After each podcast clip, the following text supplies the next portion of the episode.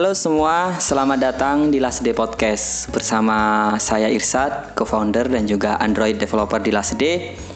Kali ini kita nggak lagi sharing podcast seperti biasanya, tetap sharing tapi di episode kali ini sesuai dengan yang saya sampaikan di Last Day Podcast episode pertama bahwa akan ada suatu episode atau satu section di mana kita akan ngenalin uh, ada apa yang baru di Last Day.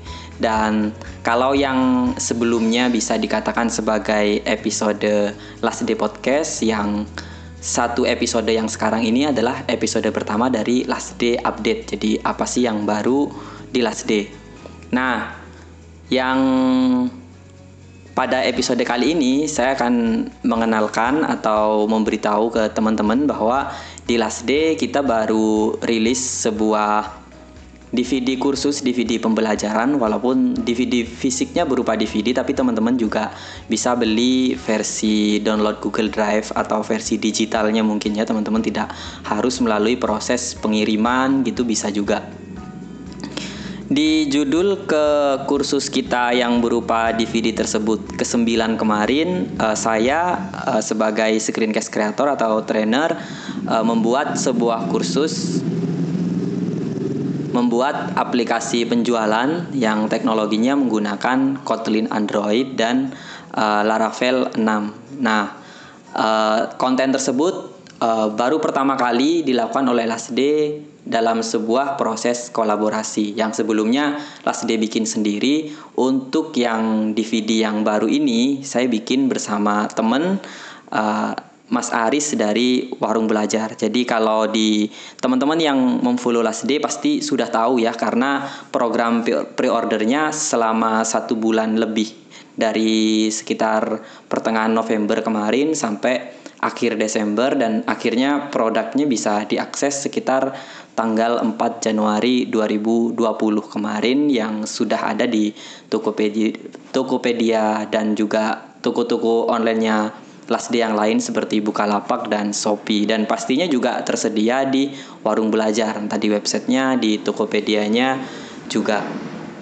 Dan kali ini saya sedang bersama Mas Aris yang Mas Aris ini kalau teman-teman mengikuti di podcast di episode keberapa ya kali ketiga. Uh, di episode Last Day Podcast ketiga itu kita pernah podcast dan juga sempat menyinggung sedikit. Nah kali ini kita akan uh, ngebahas ada apa aja sih yang bisa teman-teman dapatkan dari jika teman-teman join di kursus atau membeli produk kursus kita yang kemarin. Oke, saya ucapkan selamat datang kepada Mas Aris di Last Day Podcast. Uh, satu berarti ini podcast kedua kita gitu ya di sesi last day update yang pertama Oke, mungkin Mas Aris bisa kenalan sedikit lagi mungkin ya teman-teman. Nanti lebih lengkapnya bisa dilihat di episodenya Mas Aris. Mas Aris itu siapa di episodenya Last di podcast sebelumnya. Balik ya scroll lagi ke bawah terus bisa disimak lagi. Tapi sekarang kita persilakan untuk Mas Aris bisa perkenalan lebih sing yang singkat gitu ya. Oke, uh, selamat datang teman-teman di last day update ya. Last untuk episode update. untuk episode pertama mm -hmm. uh, perkenalkan diri nama saya Ari Samsudin. Uh, saya adalah seorang web developer dan penulis atau kreator ya di warungbelajar.com. Ini alhamdulillah terima kasih ke Mas Irsat untuk diajak kolaborasi di project DVD untuk tutorial hmm Android Kotlin dan Laravel 6 dengan studi kasus aplikasi penjualan gitu. Mm -hmm. Nah, uh, untuk sehari-hari ya saya seorang web developer mm -hmm.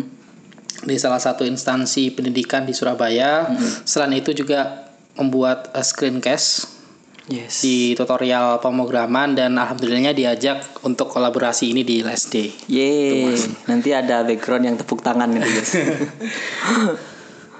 Oke, mungkin perkenalannya bisa dimulai dari apa ya? Kan di last day biasanya kita membuat studi kasus. Jadi hmm. orang-orang biasanya sebelum baca silabus mereka lihat judul dulu kan, lihat hmm. cover hmm. baru biasanya silabus ditaruh di belakang atau di deskripsi gitu kan.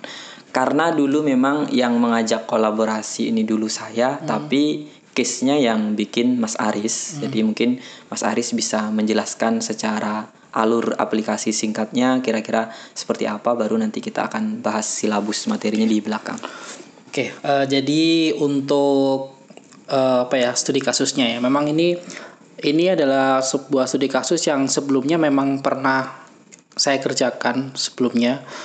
Jadi membuat sebuah aplikasi penjualan. Nah, kebetulan Mas Irsat kok ngajak untuk bikin uh, screencast dan screencastnya ini menggunakan uh, platform web dan Android, Android gitu. Hmm. Nah, kebetulan ini ada studi kasus yang sepertinya pas untuk kita gunakan gitu ya. Hmm. Jadi untuk studi kasusnya adalah aplikasi penjualan di mana nantinya teman-teman akan membuat sebuah aplikasi berbasis web dan berbasis mobile Android. Android dan gitu. tentunya kita akan bertemu juga dengan API. Ya, dengan API hmm. untuk komunikasi datanya. Hmm. Jadi secara garis besar untuk aplikasinya ini kita akan membuat sebuah aplikasi penjualan di mana untuk back office-nya ya. Jadi untuk keperluan kantornya hmm. itu kita membuat dalam bentuk web menggunakan Laravel 6. Hmm. Jadi uh, secara garis besarnya itu kita buat sebuah aplikasi di mana di dalam aplikasi itu akan melakukan manajemen terhadap data produk ya. Jadi kita punya perusahaan gitu contohnya ada produk di dalamnya, lalu ada kategori produk, lalu uh, sistem ini itu akan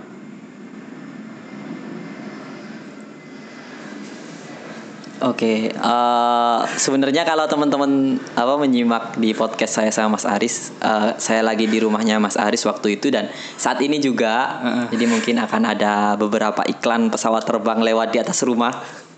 Oke, bisa dilanjutkan okay. lagi Mas Aris. Jadi saya ulangi lagi, jadi di aplikasi penjualannya untuk yang back office-nya ini akan digunakan pemanajemen data dari produk, lalu kategori produk, lalu data pegawainya gitu ya, lalu data suppliernya.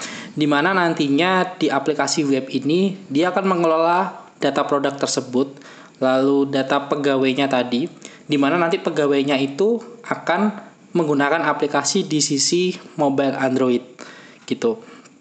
Nah, secara garis besar di dalam aplikasi webnya itu kita bisa tahu nanti produknya apa saja, lalu stok produknya berapa di setiap produk, lalu suppliernya, lalu ada apa istilahnya transaksi masuk transaksi untuk masuk. menambahi stok stok dari produk tersebut, Dan lalu juga mengurangi stok. Ya, lalu eh, apa pegawainya tadi di mana kita bisa mendaftarkan pegawai yang bisa eh, membuat transaksi keluar gitu ya hmm. melalui aplikasi Android. Android. Nah, kurang lebih seperti itu untuk uh, back office-nya. Oh ya, ada satu lagi. Uh, nantinya di aplikasinya yang mobile Android itu salah satunya memiliki fitur untuk pencatat toko ya mas ya atau agen. Mm -hmm. Nah di aplikasi webnya nanti akan kita tampilkan berupa peta mm -hmm. untuk menampilkan lokasi-lokasi dari masing-masing mm -hmm. agen. Jadi tugas itu. aplikasi Androidnya juga selain mendapatkan deskripsi toko, foto mm. dari toko, kemudian mendapatkan lokasi toko ya. yang nanti juga akan muncul lokasinya berupa peta di aplikasi web, di webnya, webnya gitu. Jadi kurang lebih seperti itu. Nah, Oke, jadi itu itu adalah gambaran uh, untuk aplikasi webnya. Nah, sekarang kita beralih ke aplikasi yang uh, mobile Android. Hmm. Di mobile Android ini secara garis besar fungsinya adalah digunakan untuk mencatat dari transaksi keluar dari produk yang ada pada webnya tadi. Lalu mencatat agen atau toko yang menjual produk tadi. Jadi ada ada dua itu secara garis besar dan ada satu lagi pegawainya itu yang terdaftar di web tadi bisa login melalui aplikasi Android gitu. Mm -hmm. uh, seperti yang disinggung tadi juga untuk uh, pencatatan toko atau agen itu tidak hanya mencatat nama tokonya, tapi juga mencatat apa uh, lokasi lokasi, ya. lokasi menggunakan geolocation. Mm -hmm. Nah nantinya itu akan dikonversi menjadi bentuk peta di bagian webnya. Mm -hmm. Jadi kurang lebih untuk interaksinya seperti itu. Jadi untuk yang back office itu mencatat seperti produk, kategori, supplier, transaksi masuk, lalu seperti report dari penjualan itu di web dan di mobile Android itu dia mencatat penjualan yang terjadi. Jadi pegawainya login terus di lapangan itu yang terjual apa aja dicatat seperti itu. Lalu mendaftarkan uh, toko yang baru. Kurang lebih seperti itu sih Mas. untuk contoh kasusnya. Oke, nice. Uh, lumayan jelas kok ya penjelasannya. Uh, kemudian uh, mungkin bisa mulai dibahas untuk materinya mungkin Oh, materinya. ya. Materinya. Materinya kalau dibagi kayaknya ada tiga ya kalau dari Mas Aris. Ada Laravel dasar, ada Laravel web, terus ada Laravel API. Ya API gitu. Oke. Kita mulai tak jelasin mas ya untuk silabusnya ya. Jadi untuk silabusnya ya kurang lebih dibagi jadi tiga. Karena memang sesuai dengan kebutuhan. Jadi yang pertama itu kita bahas yang basic. Jadi untuk teman-teman yang mungkin belum pernah mengetahui Laravel atau mungkin biasanya bikin web tapi dengan menggunakan PHP pure yang non framework ataupun dari framework lain seperti mungkin sebelumnya pakai kode igniter jadi gak usah takut karena kita tidak membahas langsung ke project tapi kita sertakan untuk bagian basic dari Laravelnya. nice. Oke, untuk basic Laravelnya kita akan belajar bagaimana menginstal dari Laravelnya, lalu seperti routing, bagaimana routing di Laravel itu bekerja, kita akan pelajari juga. Lalu konsep MVC, nah biasanya kalau belum pernah main ke framework, biasanya bingung apa itu MVC, kita akan jelaskan juga konsepnya. Lalu membuat controller dan view itu bagaimana, lalu cara mempassing data dari controller ke view itu bagaimana. Lalu di sini ada yang namanya bleed. Nah, jadi bleed ini adalah fitur uh, template engine di Laravel. Itu juga kita akan jelaskan apa aja yang bisa kita lakukan di uh, Laravel dengan menggunakan bleed. Lalu bagaimana penanganan form ya, penanganan form, membuat form di Laravel itu bagaimana dan bagaimana cara mem, uh, proses dari inputan form. Lalu form validasi ya, kalau inputan itu bagaimana kita membuat validasinya itu akan kita bahas juga di bagian basic lalu migration jadi migration itu kurang lebih membuat tabel dengan perintah di Laravel jadi kalau biasanya teman-teman menggunakan Create eh, tabel di SQL. ya Ah. create tabel di SQL-nya contohnya kayak PHP admin nah di Laravel itu bisa menggunakan perintah Laravel untuk mengenerate tabelnya kurang lebih seperti itu Lalu eh, bagaimana men-set sebuah model yang bisa berhubungan dengan eh, tabel di database, lalu seeder dan eloquent. Itu kurang lebih yang dibahas di bagian basic. Jadi basic-basic Laravel kita sendirikan bagiannya ya di bagian basic. Lalu di bagian eh, studi kasus nantinya kita mulai dari instalasi projectnya, lalu integrasi dengan template sejuta umat yaitu admin LTE. NLTE. Ya kita pakai template itu. Lalu kita akan bahas dari mulai perancangan database-nya sampai di tabel-tabelnya menggunakan migration kita akan bahas. Jadi tidak langsung membuat ke project tapi dari mulai perancangan tabel kita bahas.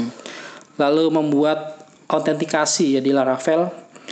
Lalu membuat eh, bagian master ya. Jadi kebutuhan masternya seperti data user, data supplier, data kategori, produk, pegawai, lalu ada juga ini data agen ya. Data agen disertai dengan tampilan lokasi agen menggunakan leaflet.js. Nah, jadi untuk menampilkan lokasi dari agen itu kan biasanya menggunakan Google Map ya. Nah, di sini karena setelah saya riset itu ada beberapa pembatasan terhadap akses di API dari Google Map. Jadi saya menggunakan Untuk yang, alternatif eh, lain gitu. Kalau- versi free-nya gitu. Iya, kalau versi free-nya. Jadi saya gunakan alternatif lain sehingga teman-teman bisa lebih mudah tidak eh, mem- meminimalkan kemungkinan terbatasnya API kalau di Google Map. Jadi saya gunakan alternatif menggunakan Leaflet.js. Lalu setelah masternya selesai, kita buat transaksi ya, transaksi masuk. Lalu kita buat report penjualan. Jadi penjualan yang terjadi di dalam mobile Android kita buatkan report disertai dengan eh, berupa report PDF dan Excel. Lalu di bagian dashboard nantinya kita juga akan sertakan pembahasan bagaimana membuat grafik penjualan dengan menggunakan chart.js Oke, gitu. nice. Nah, lalu untuk pembatasan akses dari usernya kita akan gunakan middleware. Nanti kita juga akan bahas. Lalu berikutnya setelah project webnya selesai, kita akan pelajari mengenai bagaimana membuat API yang digunakan untuk berkomunikasi data dengan mobile Android. Nanti kita akan bahas gimana membuat API lalu melakukan testing dengan Postman, Postman. itu kita akan juga bahas. Hmm. Lalu yang terakhir adalah bagaimana project yang kita buat secara offline ini hmm. kita upload ke hosting dan bagaimana kita men-set dari web yang offline tadi bisa digunakan dan berjalan sebagaimana mestinya seperti di offline di bagian hosting. Yes, biar benar-benar jadi website. Ya, gitu jadi ya. bisa diakses di mobile Android melalui internet. Iya, yeah, yeah. okay. Jadi kurang lebih itu Mas yang akan dibahas di sisi Laravelnya. Mm -hmm. Oke, okay. nanti akan ada beberapa pertanyaan mungkin untuk Mas Aris, tapi mungkin akan saya lanjutkan kalau teman-teman tadi sudah tahu flow atau alur dari aplikasinya, kemudian proses pengembangan sebuah aplikasi menggunakan PHP framework Laravel di bagian Android atau di sisi mobile apps-nya kita akan menggunakan bahasa pemrograman Kotlin. Yang singkatnya Kotlin adalah bahasa pemrograman natif Android yang lebih baik dari Java. Mungkin uh, kalau teman-teman bisa cari di Google uh, di kursusnya juga dijelasin lagi sih apa benefit dari teman-teman menggunakan Kotlin daripada Java. Nah, nanti kita nggak langsung praktek ke Kotlin Android, tapi kita juga akan belajar Kotlin dasar. Ide dari Kotlin dasar ini sebenarnya barangkali karena kan ini juga proyek kolaborasi dengan warung belajar. Barangkali semua teman-teman yang datang ke kursus yang Kotlin Android dan Laravel ini sebenarnya basicnya website dan speknya tidak mumpuni untuk Android tapi pengen tahu Kotlin. Nah ini bisa juga belajar Kotlin dasarnya aja nggak apa-apa kan gitu kan. Jadi tetap tetap dapat knowledge-nya tetap dapat jadi di Kotlin dasar kita tidak menggunakan Android Studio, kita menggunakan IntelliJ. IntelliJ lebih ringan karena kita memang di sana bisa ngoding Java, bisa ngoding Kotlin dan bisa ngoding yang lainnya juga. Jadi tidak langsung instalasi Android. Dan bahkan di kursusnya juga diajarin gimana caranya ngoding online. Jadi sebenarnya editor online dari Kotlin juga sudah ada sendiri. Jadi teman-teman tanpa install editor pun juga masih bisa. Tapi kita harus online akhirnya harus uh, ada apa ya? Harus ada interaksi dengan membutuhkan sebuah koneksi internet. Dan Kotlin dasar mungkin tidak seluruh full dasar dari Kotlin dibahas, tapi yang dibahas adalah Eh, topik-topik uh, yang memang nanti kita pakai di project Android seperti interface, collection, data class, terus yang super basic itu kayak variable, terus function, terus entry point, tipe data itu juga dibahas. Seperti yang terus kemudian yang agak nanti mungkin yang teman-teman yang mungkin agak apa ya agak level advance tapi basic gitu ya level advance tapi basic itu kayak belajar objek terus visibility modifier. Itu kan kalau oh, OOP gitu ya? uh, OOP kalau di basic kan itu juga nggak kelihatan efeknya tapi nanti itu beneran dipakai di project. Kalau di project itu semua hampir semua kelas menggunakan itu. Nah, itu tadi untuk Kotlin dasar, kemudian untuk Kotlin Android, nah kita juga akan mulai dari instalasi Android Studio. Jadi, instalasi Android Studio itu ada di bagian uh, videonya kan bisa jadi dua, ada Kotlin Basic, ada Kotlin Android. Kotlin Android dimulai dari instalasi Android Studio, kemudian instalasi emulator. Jadi, untuk mentestingnya teman-teman bisa menggunakan HP atau juga menggunakan emulator. Kalau teman-teman takut terganggu proses chattingnya dengan orang lain, ya sebaiknya menggunakan emulator saja.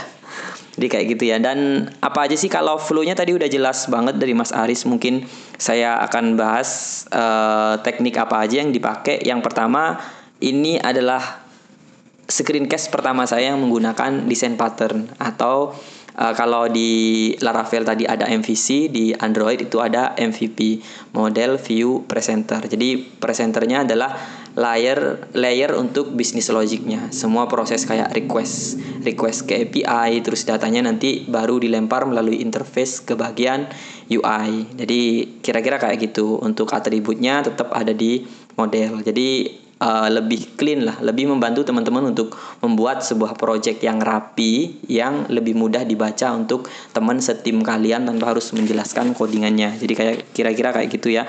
Penjelasannya dan ada slide khusus memang yang membahas desain pattern. Jadi beberapa part memang saya pisah.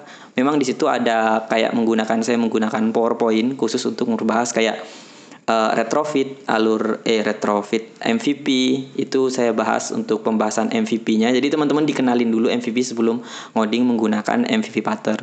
Terus kemudian tadi sudah dimention sama Mas Aris kita menggunakan Google Maps.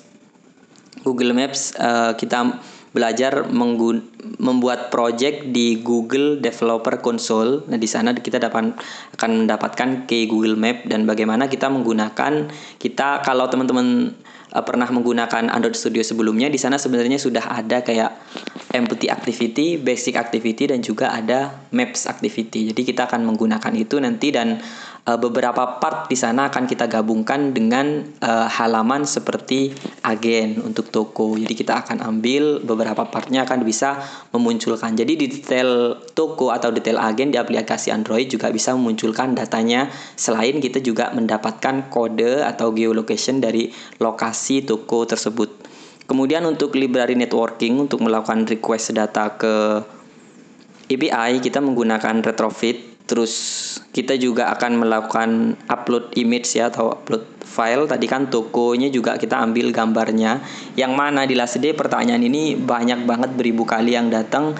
E, gimana caranya e, Min apakah ada tutorial upload file gitu kan di kursus ini ada gitu kan dan itu mudah banget dibuat sederhana sesederhana mungkin dan ada kelas helpernya sendiri jadi teman-teman bisa inject itu di project-project temen di luar sana. Kemudian untuk data sessionnya ketika login karena kan tadi kan konsepnya kayak ada staff khusus dari supplier atau uh, perusahaan ini yang dikirim. Nah itu kita sessionnya menggunakan share preference yang di mana dibantu juga oleh sebuah library yang bernama create di situ. Jadi share preference sebenarnya sudah simple, kita buat simple lagi dengan menggunakan salah satu library pendukungnya. Terus untuk image downloadernya kita menggunakan Glide atau teman-teman bisa kenal di luar lagi ada Picasso kita menggunakan glide di sini. Kemudian uh, kita juga belajar fragment ya.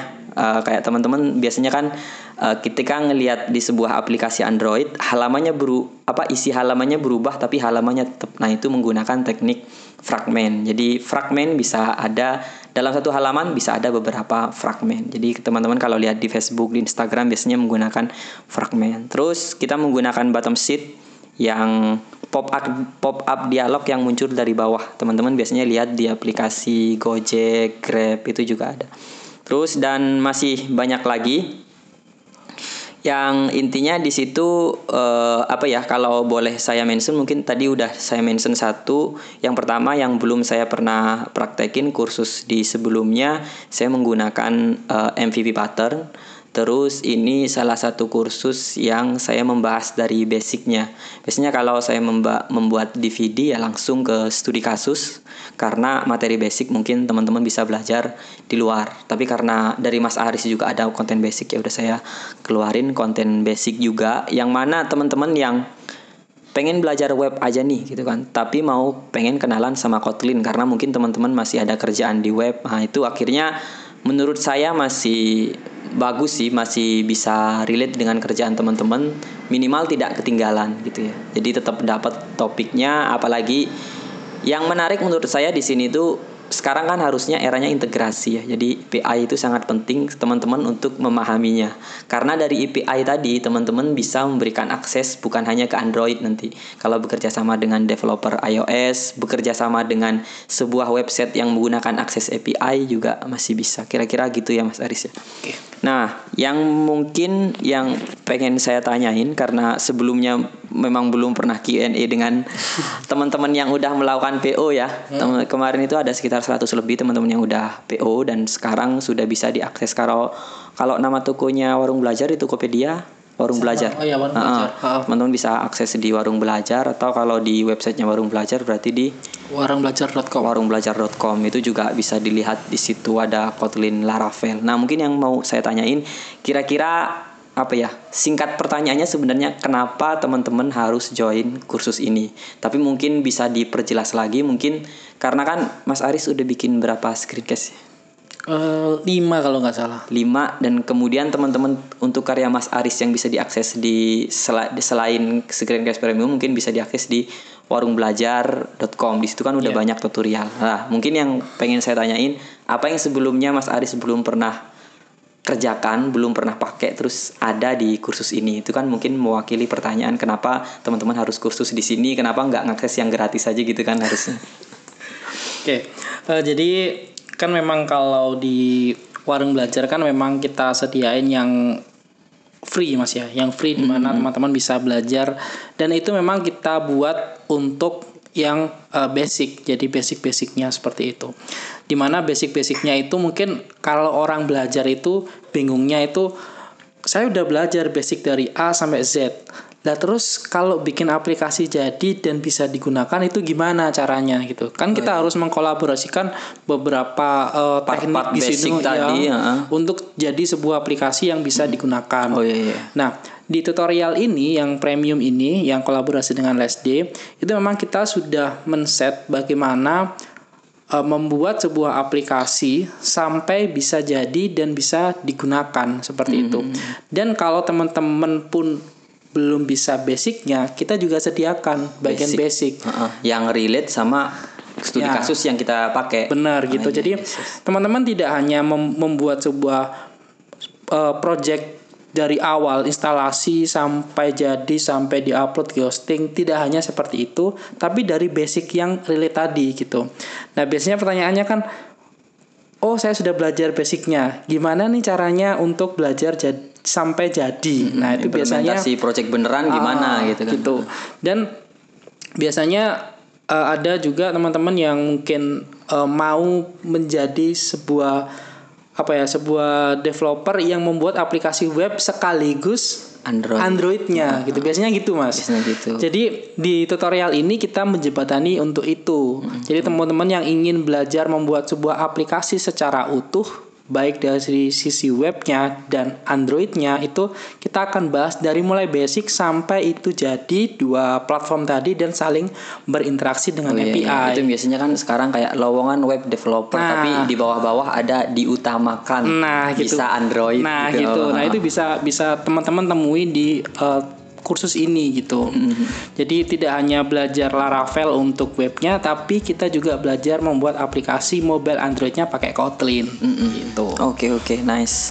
Oke biar nggak panjang lebar mungkin itu aja yang bisa Iya. kita share kalau teman-teman pena- masih penasaran bisa dibuka di Tokopedia-nya Lasde atau warung belajar atau kalau di Lasde di websitenya Lasde belum ada sih. bisa dilihat di warung belajar itu ada kan Mas ya pasti Ada, Uh, ada masuk aja nanti ada. uh, nanti kelihatan kok detailnya di situ. Ada screenshot aplikasinya juga Screenshot ada. aplikasi jadinya juga ada dan mungkin akan ada beberapa part dari video yang akan kita publish di YouTube yang akan iya. kita umumin setelah ini di Instagram. Mungkin itu aja dari saya. Terima kasih atas waktunya kepada Mas Aris. Ya, Uh, kemudian terima kasih kepada teman-teman yang mendengarkan podcast ini. Ini adalah podcast update dari Last Day yang pertama. Mungkin di part berikutnya kalau memang teman-teman pengennya dengerin yang podcast yang versi sharing aja gitu kan. Yang di depannya pasti saya tulisin update dari Last Day bukan episode podcast. Jadi teman-teman di skip aja nggak apa-apa. Tapi kalau sekiranya ini bermanfaat eh di share teman-teman ke teman-temannya juga lebih bagus. Itu membantu teman-teman untuk mendukung Last Day bukan hanya membuat screencast premium tapi membuat konten sharing, membuat tutorial, membuat event free. Saya kira lebih dari sekedar beli sebuah kursus sih. Kalau di Last Day dan Iya. juga di warung belajar teman-teman juga membantu kita membangun ekosistem IT yang lebih baik. Amin. amin amin. Ah, Oke, terima kasih dari saya. Saya tutup. See you guys.